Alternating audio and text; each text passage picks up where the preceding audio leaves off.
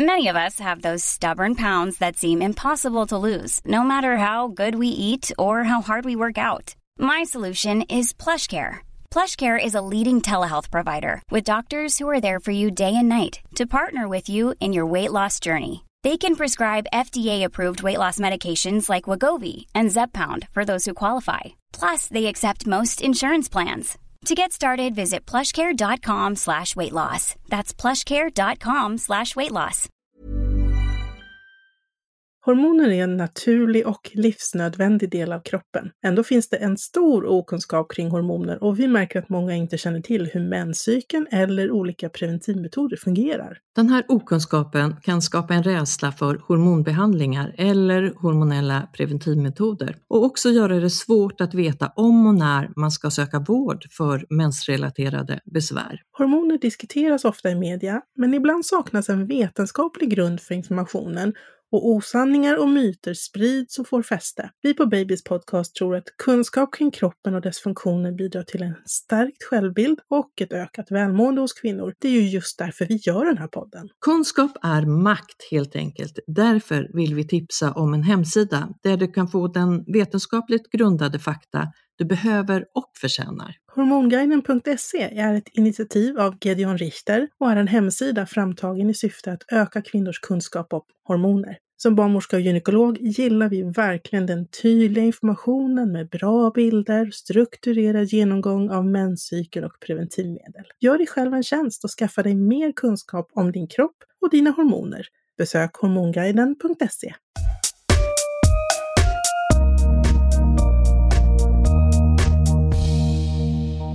Att bli förstoppad under graviditet, det är väldigt vanligt och vi märker mycket på Babys podcast att, att ni där ute har frågor kring det här. Varför blir det så här? Vad kan jag göra åt det? Hur kan jag behandla? Och när går det över? Och att man blir förstoppad, det, det innebär ju alltså att man inte tömmer tarmen eh, lika ofta som man brukar eller att avföringen är väldigt hård. Och man kan få ont i magen. Eh, eller tappa aptiten eller tycka att det spänner i magen. Så det här avsnittet, där ska vi gå igenom vad det här beror på. Vi ska gå igenom vad man kan göra själv och vi ska gå igenom lite grann vad vården kan hjälpa till med. Och lite grann ja, nackdelar som kan komma utav att gå förstoppad länge under graviditet. Eh, som vanligt hör ni mig, Rebecka, gynekolog och Och eh, mig, Karina barnmorska. Hjärtligt välkomna!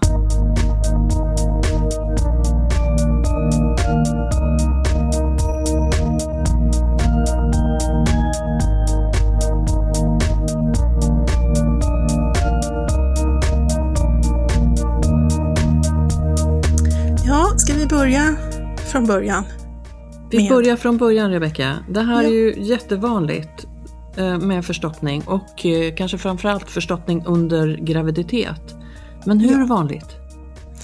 Jag tror inte att det finns någon statistik på det. Eh, Det är väl, det är väl tyvärr så här att även om förstoppning är jättevanligt så kanske det är ingenting som folk lägger jättemycket tid på att forska på eller föra statistik över. Men min känsla när jag sitter i mödravården och dels träffar gravida men också diskuterar med, med, liksom med barnmorskorna, det är ju att eh, de allra flesta har förstoppningsproblem, mer eller mindre. Eh, så att om jag skulle höfta så skulle jag kanske säga 7 till 8 av 10 har förstoppningsproblem under graviditeten. Så vanligt är det. Det är jättevanligt. Det är Mm. jättemånga. Men du, varför är det så vanligt då? Vi pratar ju om hormonella förändringar där ju då hormonet progesteron har en betydelse. Mm. Ja, förmodligen så är ju just den här hormonella förklaringen, det är väl den som är den största förklaringen och den viktigaste. Men det finns några andra också som, som vi kan gå igenom. Men, men progesteron, det bildas ju av, Ehm, av liksom det rum i äggstocken där ägget har legat. Det rummet blir ju kvar även efter att ägget har lossat och det har skett en befruktning.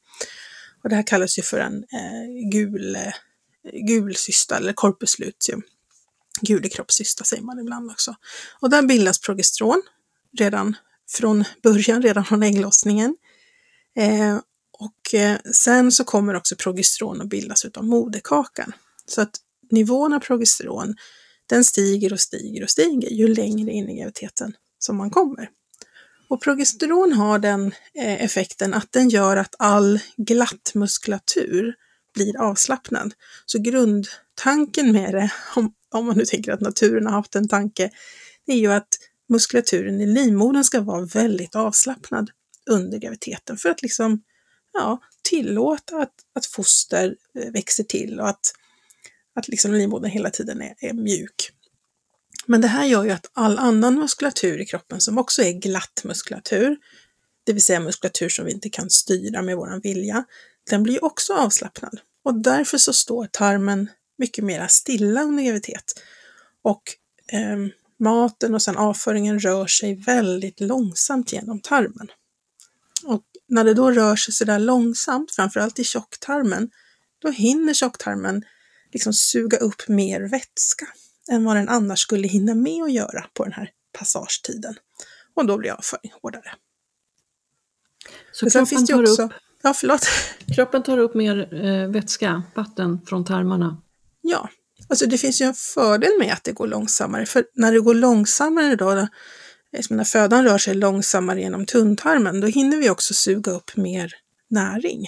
Så det, det är faktiskt en fördel. Vi hinner få i oss mer utav järn eller B12 och så vidare. Men nackdelen blir ju då att det också sugs upp mer vätska och blir hårdare. Men naturen har tänkt till lite där då under graviditeten så behöver du extra näring och se mm. till att du har de här bra ämnena för dig och för bebisen. Mm. Så det är fördelen med att tarmen rör sig ja, något långsammare. Ja. Så det här med progesteron är nog huvudfaktorn, men, men sen finns det ju andra saker också som, som ändras under graviditet och ibland väldigt tidigt i graviditeten. Och det är ju faktiskt så att vi ändrar ju lite grann våra kost och dryckesvanor eh, tidig graviditet. Kanske för att vi mår illa till exempel och då börjar vi kanske dricka mindre eller äta annat än vad vi i vanliga fall gör. Eller att man blir sugen på något speciellt. Eh, det kan ju också påverka hur hård man blir i magen. Är det så att man är en stor kaffedrickare innan man blir gravid, så är det så att kaffe har ju faktiskt en stimulerande effekt på tarmen som gör att tarmen rör sig lite snabbare. Och om man då under graviditet minskar sitt koffeinintag, som ju man rekommenderar från, från Livsmedelsverket, ehm, då, då drar man ju ner kaffet ganska ordentligt och det kan faktiskt också göra att man blir förstoppad, för man får inte den här tarmstimuleringen som man annars är van vid att få. Så att det finns både kost och hormonella faktorer i det hela. Men du, när i graviditeten skulle du säga att det här blir mer påtagligt? Är det redan i tidig graviditet? Mm. Jag tycker att det många säger tidigt, redan vecka 7-8, eh, att de har blivit förstoppade. Eh, sen tycker jag väl kanske att det, det är som att det liksom finns några sådana pikar. Många märker tidigt, kanske säger till och med vid inskrivningen på barnmottagningen att de har blivit förstoppade. Sen eh, man kommer lite längre fram i graviditeten, kanske vecka 20, kanske börjar med järntabletter för att järnvärde och blodvärde sjunker. Då eh, är det inte alls ovanligt att man blir förstoppad av sina järntabletter. Och sen när man kommer ännu längre fram i graviditeten så är det så också att livmodern kommer att trycka på tarmarna, kommer att liksom skjuta tarmarna bakåt och lite uppåt i kroppen för att ja, livmodern tar plats. Och då blir det ju ännu mindre plats för de här tarmarna att röra sig och liksom trycka fram avföringen. Så att det är som att det liksom är tre pucklar på den här förstoppningsproblematiken. Tre toppar liksom. Och det här att, att det kan starta tidigt då, det hänger ju samman med det du nämnde Rebecka, det här mm. illamåendet som då gör att vi förändrar våra eh, matvanor. Att vi tar bort de här sakerna som kanske vi annars eh, äter och mår bra av. Men mm. nu under graviditeten så, så har vi lust på helt andra saker. Och det kan också göra då att vi, ja, vi anpassar oss helt enkelt efter det illamående, äter det mm. vi kan äta och kan få mer problem med förstoppning. Mm. Precis. Men du, det, det man ofta säger det, det är ju liksom Eh, Eh, vi ska gå in på symptomen snart, men, men det här att undvika vitt bröd och pasta och, och ris och, och, sånt där. Och det kanske man kan tänka på, det finns säkert fler saker. Men, men eh, framförallt det, att man för, tänker till, att man undviker det som, som kan upplevas eller bli ett problem för just förstoppning. Ja, och att man liksom tänker på att kanske byta ut, om man är van att äta vitt bröd och vit pasta, att man tänker på att man byter ut det mot mera fullkornsprodukter istället. Grovt bröd och fullkornspasta eller fullkornsris till exempel. Att man försöker få i sig grönsaker med mycket fibrer i, morötter, broccoli, blomkål kanske. Ehm, så att tarmen har lite mer substans att jobba med. Och så naturligtvis dricka ordentligt. Eh, liksom dels dricka vätska men kanske också försöka äta lite mer mat som innehåller mycket vätska som fil eller yoghurt eller soppa eller smoothies. Liksom. En del kan tycka att det är lite jobbigt att dricka i början när man mår illa. Men det går bättre liksom att äta, vad ska man säga, flytande mat. Så det är svårt liksom att dricka en och en halv eller två liter vätska per dag så kan man lura sig själv lite grann genom att äta soppa eller dricka smoothies. Ja, det är ju vätska mm. också, tänker man mm. inte alltid på.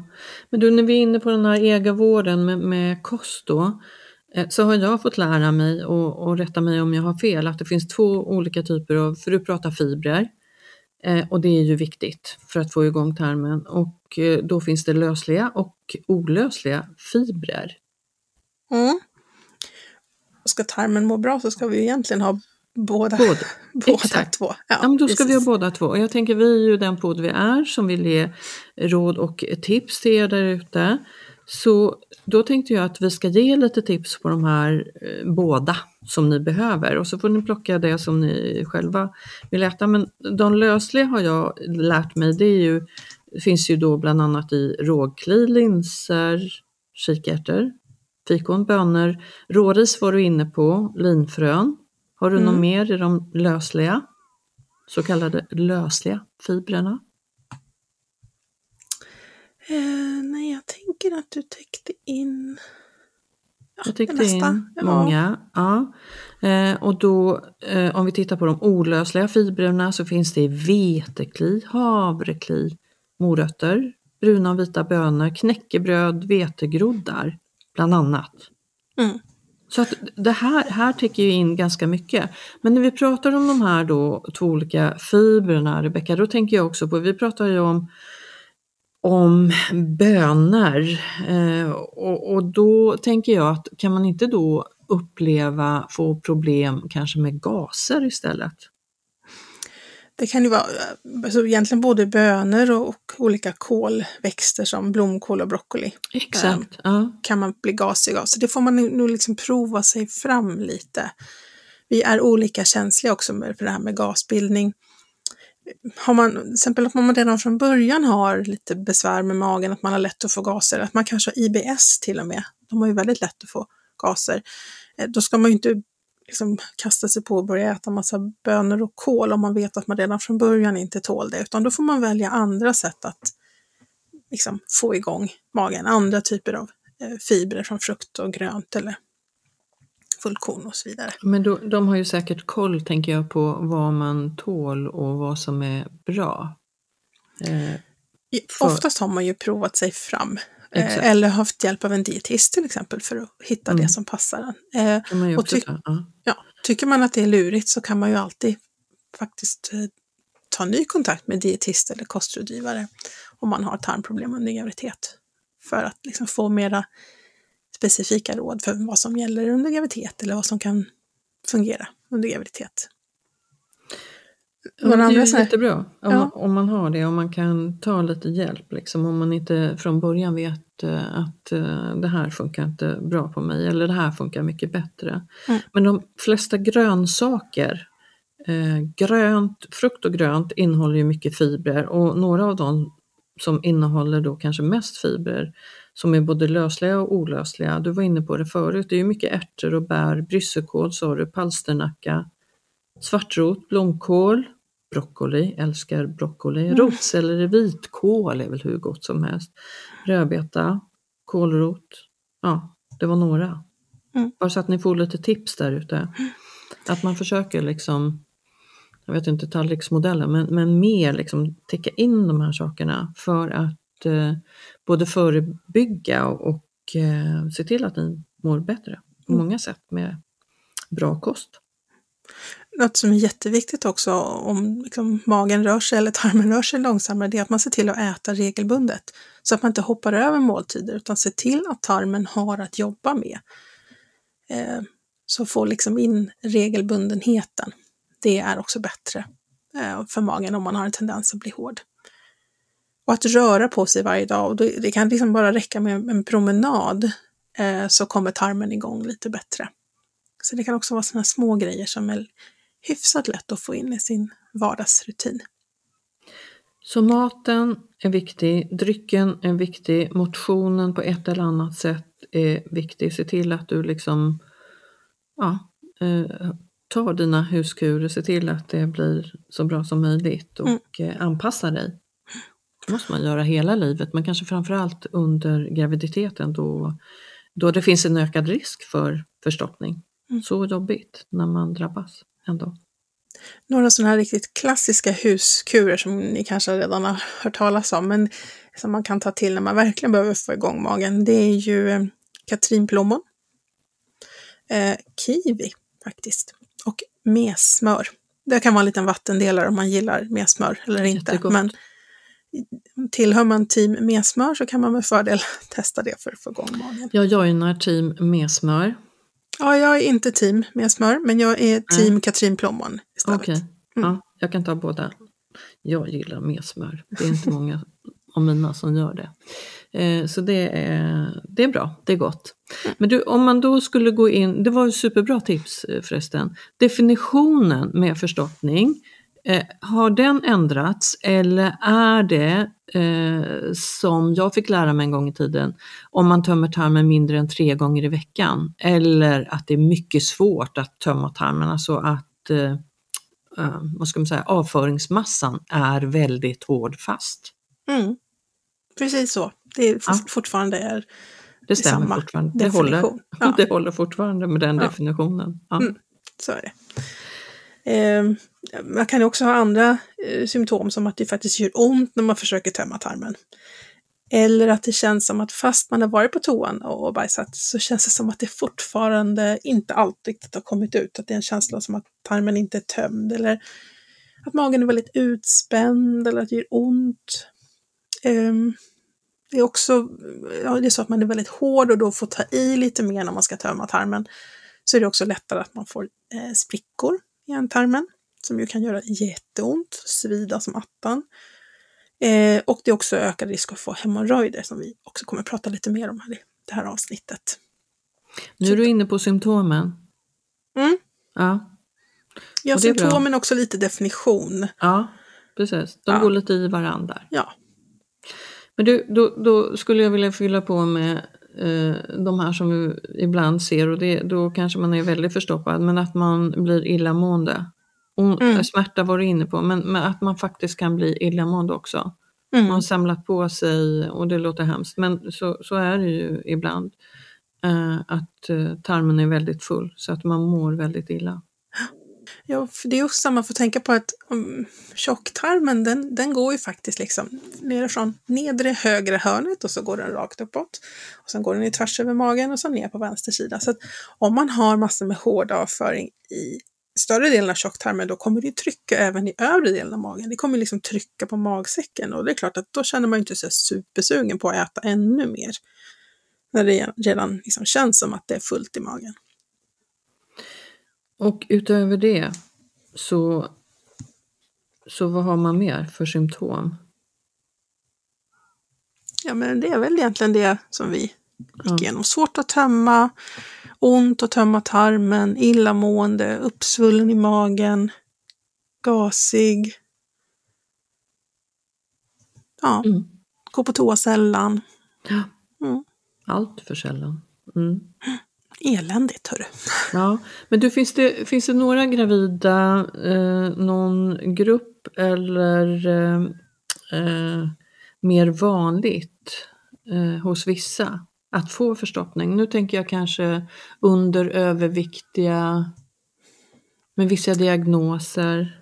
Alltså egentligen eh, inte så tydlig koppling till under eller övervikt. Eh, egentligen de som redan från början har någon typ av tarmproblematik eh, som IBS eller att man eh, ja, har något liknande. Eh, där är det ju lite vanligare, man blir förstoppad. Man kanske redan från början har problem med liksom motoriken i tarmen av andra anledningar. Det finns det liksom kopplat till vissa neurologiska sjukdomar. Eh, där kan det bli mer besvärligt. Så egentligen mera mag-tarm, de som har mag-tarmsjukdomar, eh, där ingår förstoppning i vanliga fall, de kan få det värre och mera.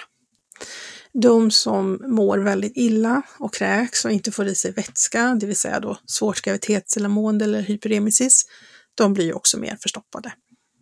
Ehm, dels av hormonella skäl men också eh, för att man, ja, man, tarmen har ingenting att jobba med, ingen vätska och ingen, ingen liksom föda att jobba med. Då blir det mera förstoppat också. Du, um, ja. ja. de som är väldigt stillasittande skulle jag bara lägga till också. Mm, um, såklart. Stillasittande eller stillaliggande under graviditet, det är inte så vanligt att vi liksom ger den ordinationen, men det händer ju ibland att vi eh, faktiskt mot slutet av graviditeten Eh, för att det är stor risk för för tidig födsel, att vi ordinerar sängläge. Ehm, och det är klart, får man inte ut och promenera, då blir man mera hård i magen. Och där måste jag då få tycka till lite att vi inte är riktigt bra i vården. Då kan vi säga och, och se liksom fördelar med att du, du måste eh, ligga stilla. Det är inte riktigt så vanligt idag som, som det var för ett antal år sedan. Men, eh, och då, det är då relaterat till att du har kanske risk för, för att föda för tidigt. Eh, men där är vi ju inte bra att då se till att den kvinnan får i sig rätt mat eller någonting som hjälper igång tarmen med, tänker jag, typ läkemedel. Mm. Vi tänker inte eh, helheten där riktigt. Eller i alla fall, vi kan bli bättre på att tänka på mm. helheten. Mm. Absolut. Men du, en annan... Ja, ja jag något? tänkte på en grupp till och det är de som har eh, järnbrist eller blodbrist under graviditet. Exakt. Som då Tänkte komma in på det. Ja, ja de som står på järntabletter. Exakt. Ja. ja. Där kan man ju alltid prova att byta sort. Därför att um, även om de flesta järnpreparat har, ger lite uh, förstoppningstendens så finns det faktiskt en del preparat som har mindre tendens att påverka tarmen. Så där kan man alltid prova att byta. Man kan diskutera det med sin barnmorska eller sin läkare och se om man kan få byta sort. Testa en annan variant för att bli mindre förstoppad. Det är bra att du säger det. Det finns alltså eh, receptfria järntabletter eh, och det kan man väl kanske gå in på apoteket också? Ja, man kan absolut fråga dem på apoteket. Säg att det här har jag haft, finns det no några järntabletter som ger, eh, som ger mindre biverkningar i den här mm. formen? Mm. För, för det är ju så att järntabletter, eh, de, det äter ju väldigt många de mm. flesta skulle jag mm. säga. Eh, och sen så kan man ju, om man lider anemi, järnbrist, så kan man ju behöva eh, också att få det direkt in i blodbanan. Men de flesta äter järntabletter eh, och då är väl tabletterna, om man ska ge tips angående det, vilket jag tycker är viktiga tips, så ska det helst tas på fastande mage, alltså innan eller mellan måltider. Ja, eller jag brukar ibland tipsa om hur man tar det när man går och lägger sig. Så får de tabletterna sig. ligga alldeles ensamt i magen under natten. Precis. kan också vara en bra idé. Och gotta ehm. till sig och hjälpa till. Mm. C-vitamin, hjälper inte det som man tidigare har sagt att ja. Eh, ta upp järnet? Ja, det där bättre? är en liten sanning med modifikation. Mm -hmm. Det är så mhm. här att om vi ska ta upp järn ur kosten, alltså ta upp järn ur den mat vi äter, då är det gynnsamt att samtidigt äta C-vitamin Ehm, i vår måltid för att förbättra upptaget.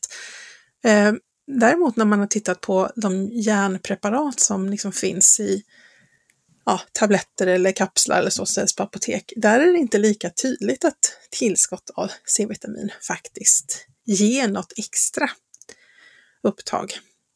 Ehm, så det är två olika saker.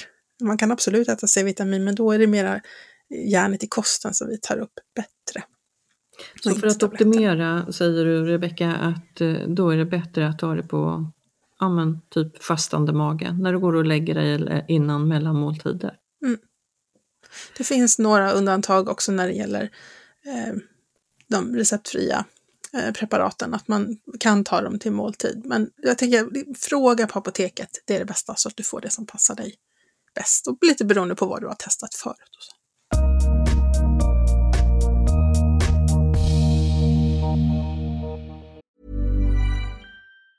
There's never been a faster or easier way to start your weight loss journey than with PlushCare.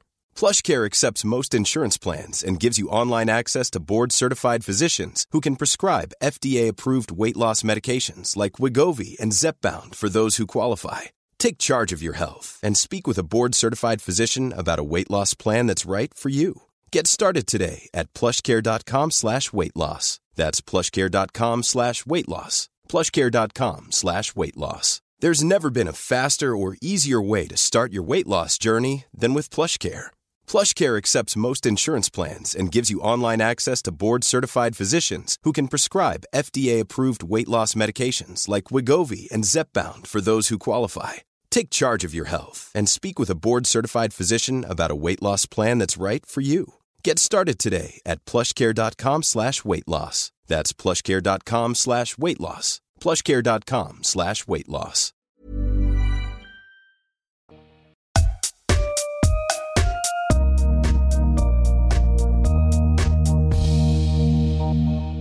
Ja men det är bra att vi säger det här för att det, det, ibland så tänker man att eh, det går bra att ta hur som helst, när som helst. Men för att optimera eh, så är det väl bra få bästa mm. tipset. Mm. Eh, tidigare så sa vi också att undvik eh, te, kaffe, mjölk tillsammans med järnrik mat. Mm. Eh, gäller det fortfarande? Ja, för kaffe och te hämmar upptaget eh, och kalcium generellt, så att inte bara mjölk utan alla mejeriprodukter hämmar också upptaget utav järn. Så då ska man gärna dela på. Det är därför jag tänker att det är fiffigt att man tar det när man går och lägger sig. Mm, ja men precis, ja, ja. Men det var väl supertipset då. Eh, nog om järn som de flesta tar. Vi var inne på behandling, eh, läkemedel. Mm. Vilka är okej att ta? Då pratar vi ju som alltid om på kort sikt och på lång sikt. Ja, om man, tänker sig liksom på kort sikt när det är så här eh, supereländigt och jag måste bara få ut det här stenhårda nu. Då finns det ju att man kan använda lokal behandling eh, som en gel eller liksom ett stolpiller som man för upp. Eh, och de, de, är ofta liksom lite tarmstimulerande. De, de ökar på tarmrörelserna. Eh, men de kan också vara lite irriterande, så de är mera sådär lite nödsituation. Eh, för att tömma här och nu. Liksom. Man får snabb effekt. Så det ska man kanske inte hålla på med mer än några dagar, max en vecka. Eh, det är ju bättre om man använder någonting som är liksom lite mera på sikt, som jobbar lite långsammare. Och där finns det lite olika varianter. Det finns eh, dels någonting som kallas för bulkmedel eller som liksom är volymökande medel. Det gör att tarminnehållet liksom får mera ja, mer volym, att, att avföringen får lite mer konsistens. Och det här är någonting som stannar i tarmen. Det är ju ingenting som går ut i blodbanan och därför är det ju liksom lämpligt då för gravida. Det håller sig i tarmen.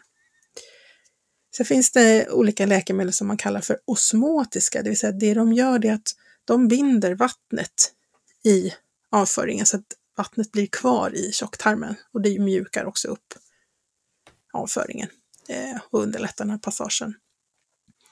Det enklaste är faktiskt när man ska välja preparat, är att man rådfrågar på sitt apotek. Därför att personalen där, de vet vilka som är godkända under graviditet eh, och de kan också ge råd kring mera, är det något, behöver du något akut just nu för att lösa problemet eller behöver du något lite mer långsiktigt för att hålla igång tarmen? Eh, så det, det tycker jag är en bra idé att man kan rådfråga där. De kan sina preparat. Så det kan man alltid starta med själv och testa först, de här receptfria. Men du, när är rekommendationen att man börjar ta något läkemedel? Alltså, jag, jag förstår. Tycker, Ja, när man inte mår bra. Ja, när man om- mår ja, precis, illa. om man- ja.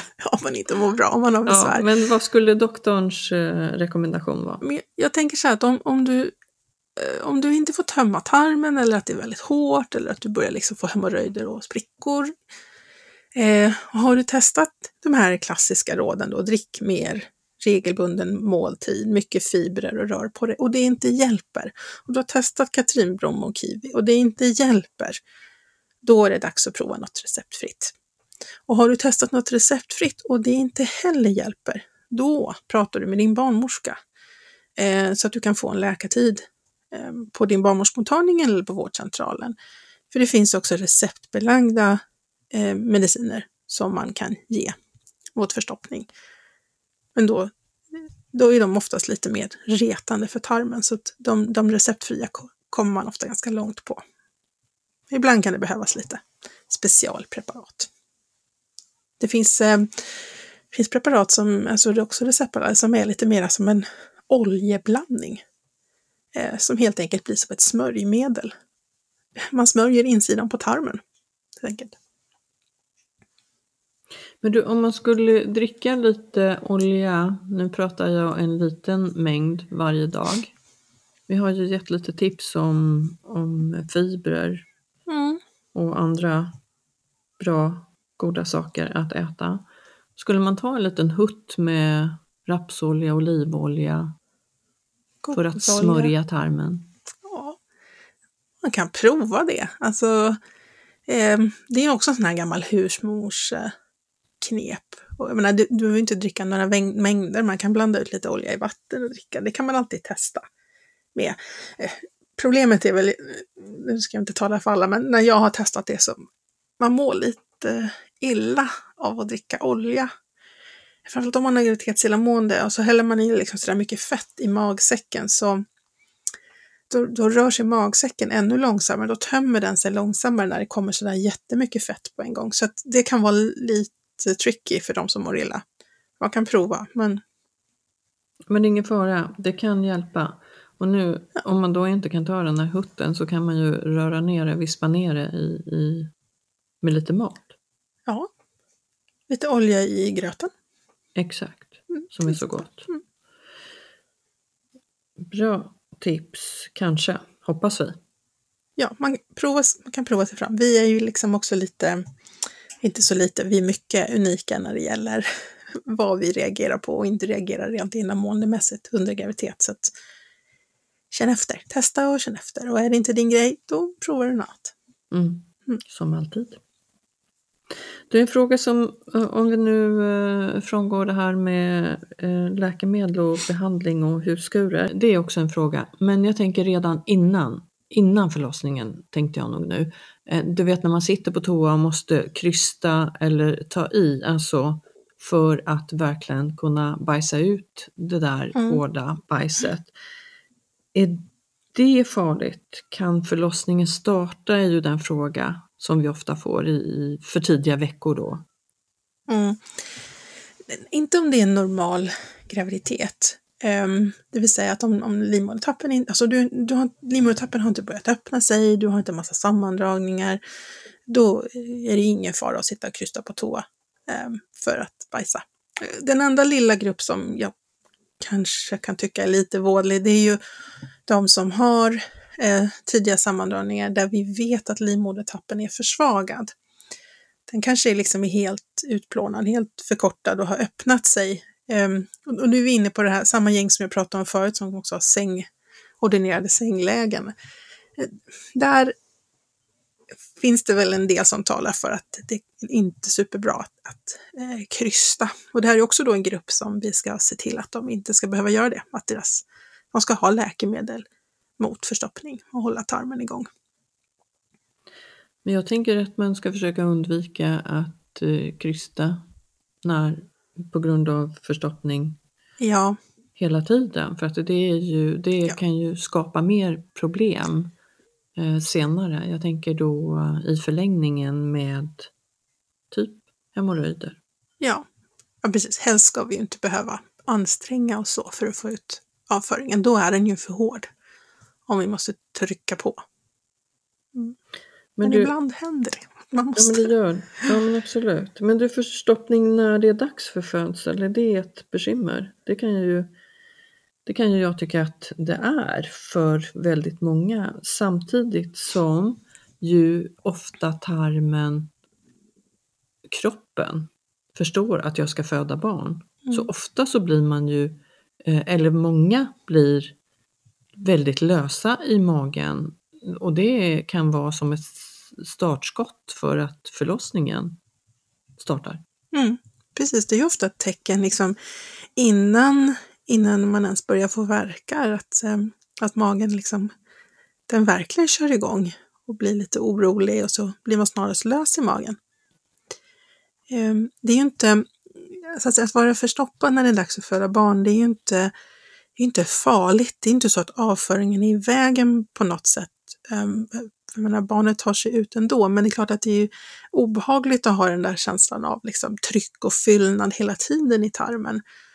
Och är det så att man behöver lite hjälp för att få ut det där så, eh, så kan man ju få det om man vill. Antingen kan man göra det själv hemma, men det finns ju också möjligheten eh, på förlossning till exempel, att man kan få något tarmstimulerande, något lokalt, som ett litet eh, klyx eller minilavemang, om man känner att man skulle vilja få tömma tarmen. Det är ju ingenting vi ger till alla rutinmässigt. Det var så för länge sedan. Då skulle alla ha ett litet lavemang, men, men så är det ju absolut inte. Men det ja, men går att du, göra. litet lavemang, alltså för innan vår tid så, så hör vi ju talas om att man var tvungen att tarmskölja med en liter vätska liksom innan man skulle föda barn för att tarmen verkligen skulle vara eh, ja, ren. Mm. Och det här vet vi ju att vi behöver ju tarmflora, det kanske man får där också i och för sig, men barnet behöver ju få i sig lite tarmflora, det har vi varit inne och pratat om flera gånger. Mm, mm. Det är viktigt, men det vill vi ju inte uppleva idag. Det kanske finns eh, kulturländer där man gör det, där man får sådana här vattenlavemang, en liter vatten. Otroligt eh, obekvämt. Ja, det behöver vi inte återinföra. Nej, det ska vi inte Tämligen göra. onödigt. Nej. Ja. Men du, eh, du, du sa att det inte är, det är inget hinder för barnet. Jag har faktiskt varit med om när det har varit det, men då har det ju varit extrema förstoppningar. Och då får man ju Mm. försöka åtgärda det när tarmen är så full så att det faktiskt kan bli ett hinder. Men extremt, extremt ovanligt. Ja, det är ju mer de här som har utvecklat det man kallar för fekolom. Eh, där liksom avföringen har blivit stenhård när man nästan får liksom gå in och plocka utan. Ehm, men oj, det är väldigt ovanligt. Ovanliga fåglar. Mm. Ja, det är det. det är det. Ja, vad tänker du mer? Vad har vi för information eller frågor som vi har fått om förstoppning? Ja, alltså vi får ju, just i sammanhanget av förstoppning så får vi mycket frågor om när ska, när ska det gå över? Liksom. Mm.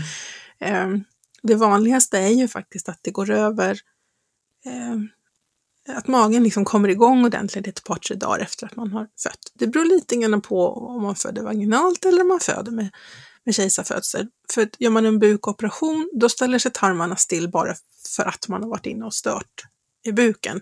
Så då är det ju, då sitter oftast den där förstoppningen kvar lite längre. Men efter en vaginal födsel så de flesta brukar uppleva att magen kommer igång efter några dagar. Gör man inte det så då får man ju fortsätta med sina tarmstimulerande läkemedel om man har haft det eller kost, kost och motionsråd. Men du har inte, eh, jag, jag tycker att det är ofta också vid vaginala födslar eh, där kvinnorna är väldigt förvånade över eh, kvinnor som inte tidigare haft en förstoppning utan där magen har skött sig hela tiden regelbundet.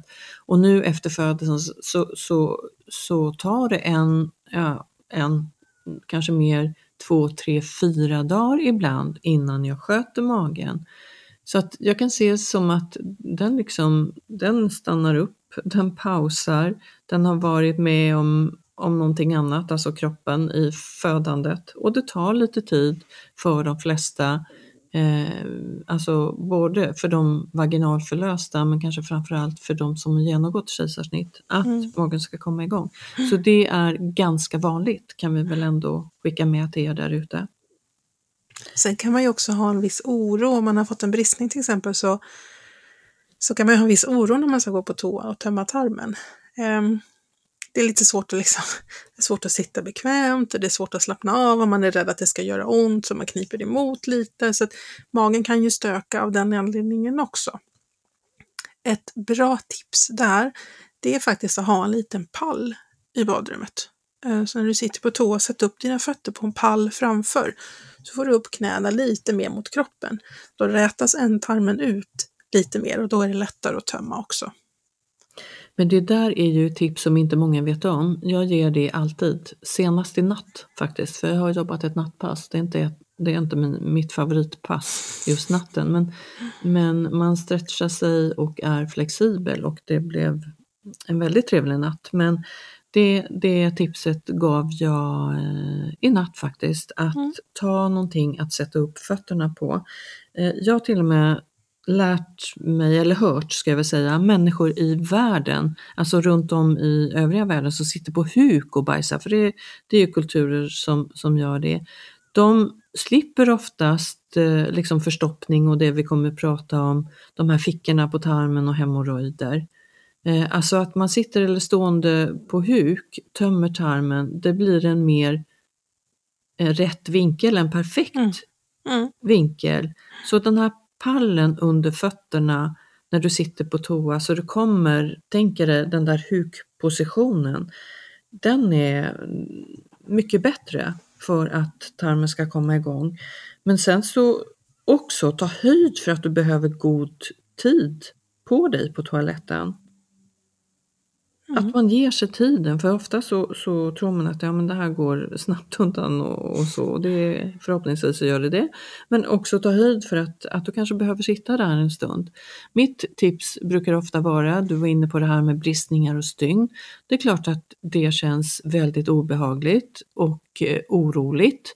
Går stygnen upp och eh, gör det ont, gör det extra ont när jag har fått den här sutureringen, bristningen, Eh, och då är mitt tips att du tar en handduk, en varm handduk, blöt den i varmt vatten, vrid ur den, håll den liksom i mellangården och över där bristningen är. En ren handduk där du dels håller eh, för att ge det här lilla lätta trycket men också med lite värme, stödet kan kännas väldigt mycket bättre mer bekvämt att gå på toa och i, med, med knäna upp lite kanske framåtlutad så att du har den här hukpositionen för att optimera. Mm. Tips från dig? Mm. Har du något ytterligare Rebecka? Nej, att tänka på att jag vill fortsätta med att liksom försöka hålla avföringen så mjuk som möjligt. Eh, även efter att ha fött så släpp inte det här med, liksom, med fibrer och dryck och röra på sig. Och, ja, framförallt om man har fått en bristning så är det viktigt att försöka hålla avföringen hellre lite åt det lösare hållet då för att just slippa liksom, trycket och belastningen. Och inte behöva krysta utan tarmen ska kunna tömma sig själv. Liksom. Har det en påverkan hormonellt på spartum efter födseln? Att eh, förstoppningen fortsätter? Nej, alltså, man, man tänker den här hormonella orsaken till förstoppning under graviditet, det vill säga progesteronnivåerna, de, det sjunker ju väldigt snabbt. Direkt efter födseln så, så sjunker ju eh, progesteronproduktionen därför att då har vi dels inte moderkakan kvar och vi har ju inte den här eh, gule, eh, kvar heller. Så att eh, rent hormonellt så finns det ju ingen orsak, orsak till att tarmen ska vara stilla, utan då är det mera eh, kost, dryck, Eh, men kanske också lite det här med bakomliggande faktorer. Har man en stökig mage redan från början? Eh, och så vidare. Eh, just eh, om det är så att man ammar så tappar man ju mycket vätska den vägen. Det går ju åt mycket vätska för att göra bröstmjölk. Och det kan jag ibland känna är någonting som eh, nyblivna ammande glömmer bort, att man måste dricka lite mer för att kompensera för det här. Eh, för dricker man för lite så blir man ju också förstoppad. Så att gärna ha ett glas vatten extra. En liten flaska vatten när du ammar. Men jag skulle säga vatten men också kanske någonting med li både lite energisocker och lite salter i så man inte bara tömmer sig på det saltinnehåll som man har. Så lite elektrolyter är Mm. väl också bra att ha. Eh, det ger också lite energi. Och det där lilla sockret. behöver inte vara det sötaste av dryck men någonting eh, som inte enbart är vatten. Men du, det här eh, med förstoppning är jobbigt och det kan bli ännu jobbigare om jag går med det ett längre tag. För det kan ju vara så att jag kanske har hemorrojder innan eller på grund av förstoppningen drabbas av hemorrojder. För det är också en ökad risk under graviditeten. Mm. Och, och hemorrojder är egentligen en typ av um, det är en kombination av ett litet åderbråck och ett litet slemhinnebråck i ändtarmen. Och de kan sitta både liksom inne i själva ändtarmskanalen, men de kan ibland också sitta på utsidan så att de liksom kikar ut, på, så, så att de är synliga och kännbara på, på utsidan av, av ändtarmsöppningen. Och förstoppning är ju eh, den största riskfaktorn för att utveckla eh, hemorrojder, men, men det är inte den enda för att liksom, en växande livmoder i sig gör också att, att det blir ett tryck på blodkärlen i bäckenet och det ökar risken för hemorrojder. Så man kan faktiskt få hemorrojder under graviditet utan att vara förstoppad. Men det är klart att risken ökar om man då samtidigt är förstoppad. Ehm, och som med så mycket annat, det bästa är ju då att förebygga, att aldrig bli sådär stenhård i magen, att inte behöva trycka och pressa eh, så att man får eh, fler hemorrojder eller större hemorrojder. Men om man redan har fått det och liksom vill lindra eh, så ehm, dels kan man vara så att det kan vara skönt med lite kyla på hemorrojder. De drar ihop sig lite grann som det här är blodkärl. Så att man kan ha ja, till exempel den här handduken som du pratade om, en handduk fast man tar lite kallt vatten och håller emot. Man kan också ha olika typer av kylande bindor. Det finns ju numera sådana här riktigt eh, coola i, som är sådana här gelkulor inuti som man kan lägga i kylskåp eller frys och faktiskt ha sedan en stund i något litet tygfodral så att det inte blir allt för kallt direkt mot huden. Um, sen finns det också då på apotek så finns det receptfria behandlingar mot hemorrojder. Det finns eh, smärtstillande gel eller salva eller stolpiller som man kan använda. Och här är det bra att fråga apotekspersonalen vilka som är godkända under graviditet så att man tar rätt preparat. Man kan rådfråga sin barnmorska också såklart. Och viktigt att man håller rent. Ja, precis. Det är ju, tyvärr är det så att om man har hemorrojder då, då sluter ju liksom ändtarmsöppningen, den sluter inte tätt riktigt lika bra. Eh, för att de här små klasarna, liksom vindruvsliknande klasarna, de är lite i vägen och det gör att man har lite lättare för att få avföringsläckage. Ehm, det kallar man ibland för soiling för att man ser liksom en, en brun liten fläck i sina underkläder. Och det här gör också att det hela tiden blir lite fuktigt kring ändtarmsöppningen och det ökar risken för framförallt svampinfektion. Så att eh, hålla rent och försöka hålla torrt så gott det går. För om man ska titta till, du var väl inne på det, men, men symptomen är ju oftast att man känner att, att det blir de här små blodfyllda kuddarna. Men också att det kan svida och klia och till och med blöda av Mm. hemorrojder. Mm. Ja, de kan ju liksom spricka upp eller gå hål på dem, både de inre och de yttre. Och då blöder det ju färskt. Säga.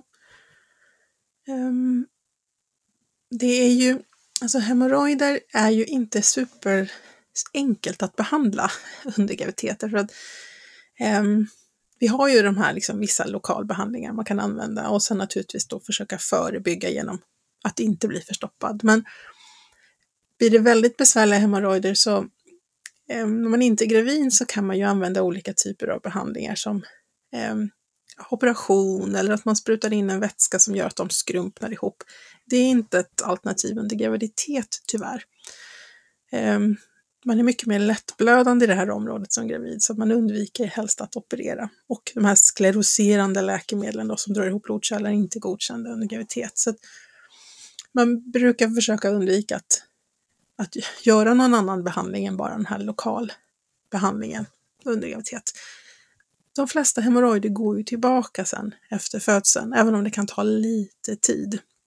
Och det är väl också ett skäl till att man avvaktar med att behandla om det går, för att de, om de sen försvinner av sig själv så är det ju liksom kanske onödigt att göra någonting med dem. Men däremot efter födsel, om de inte går tillbaks på en eller två månader och det inte funkar med antingen receptfri lokalbehandling eller att man har fått recept på någonting av sin läkare, då kan man ju gå vidare och få den här specialbehandlingen och det, i så fall så vänder man sig till sin vårdcentral eh, och kan också få remiss till kirurgmottagning. Det är många som tror att bara för att det är nära övriga underlivet så tänker man att hemorrojder är någonting som gynekologer eh, håller på med, men det är det faktiskt inte. Eh, vi svär oss fria från det. Det är ingenting som vi är särskilt duktiga på eller jobbar med, utan det är eh, allmänmedicin och det är kirurger som behandlar hemorrojder.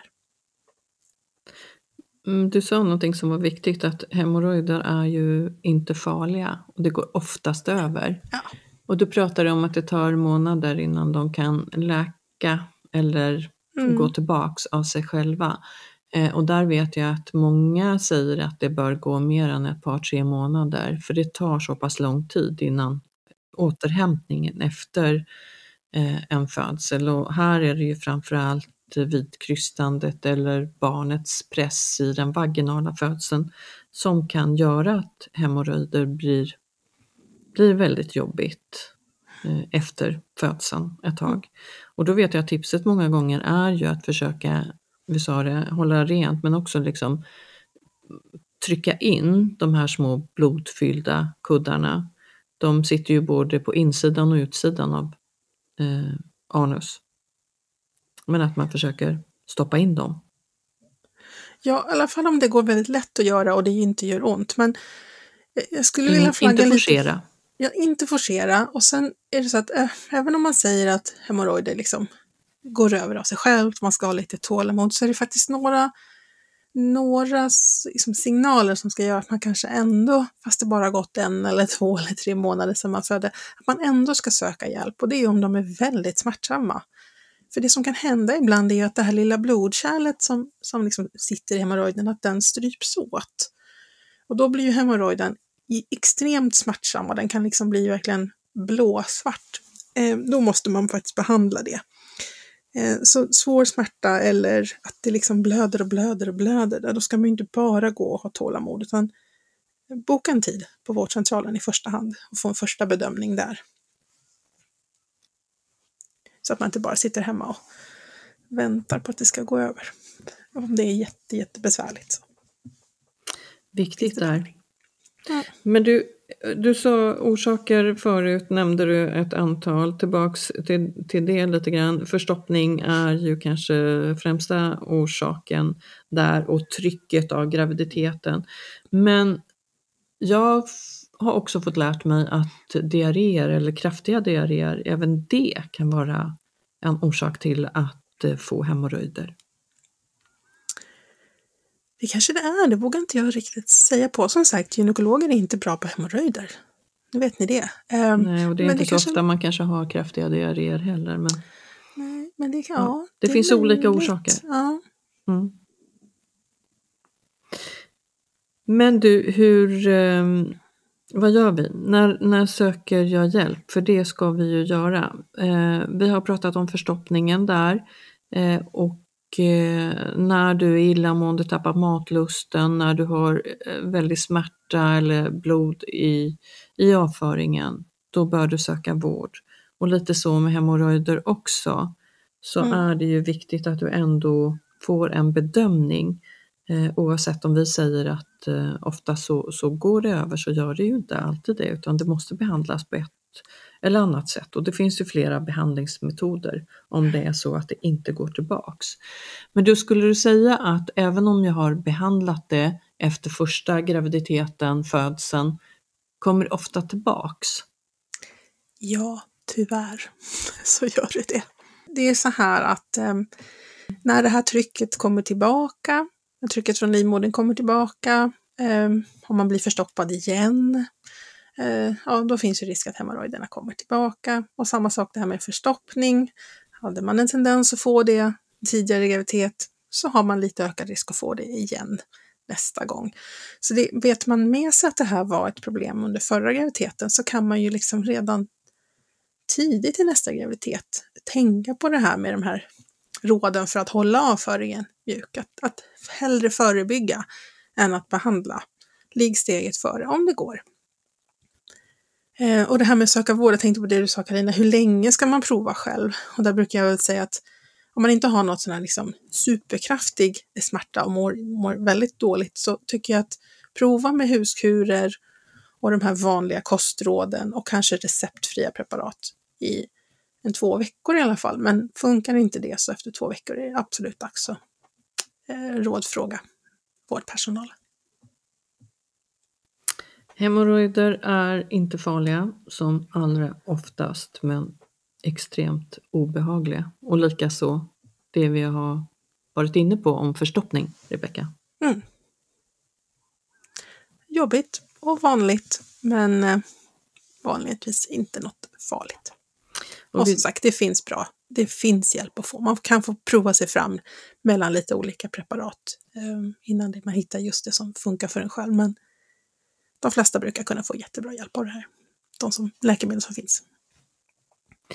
Men du, det var, det var lite fakta. Det var lite tips och råd om förstoppning och hemorrojder. Vi har ju eh, med olika företag så har vi lite Q&A, alltså svara på frågor och då vet vi att eh, vad gäller de här två, alltså förstoppning och hemorrojder, kommer väldigt mycket frågor. Eh, och det är väl av anledningen att det är så pass vanligt så att vi ja. hoppas att vi har kunnat gett er lite viktig information som ni kan ta med.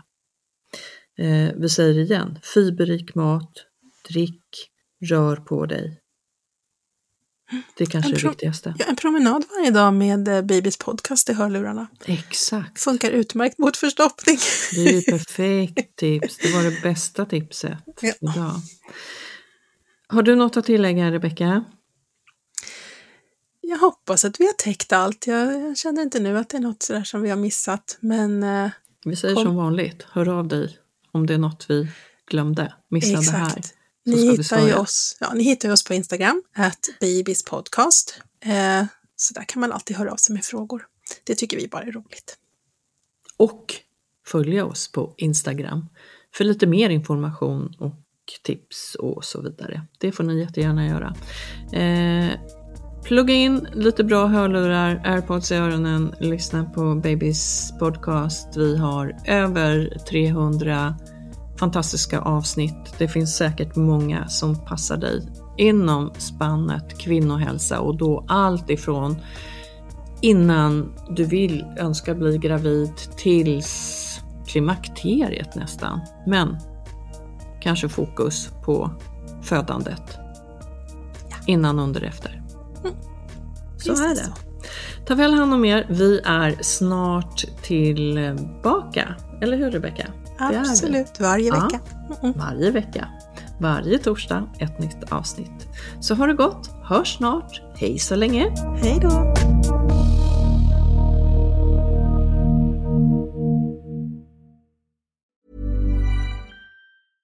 Hey, it's Paige DeSorbo from Giggly Squad. High quality fashion without the price tag. Say hello to Quince. I'm snagging high-end essentials like cozy cashmere sweaters, sleek leather jackets, fine jewelry, and so much more. With Quince being 50 to 80% less than similar brands.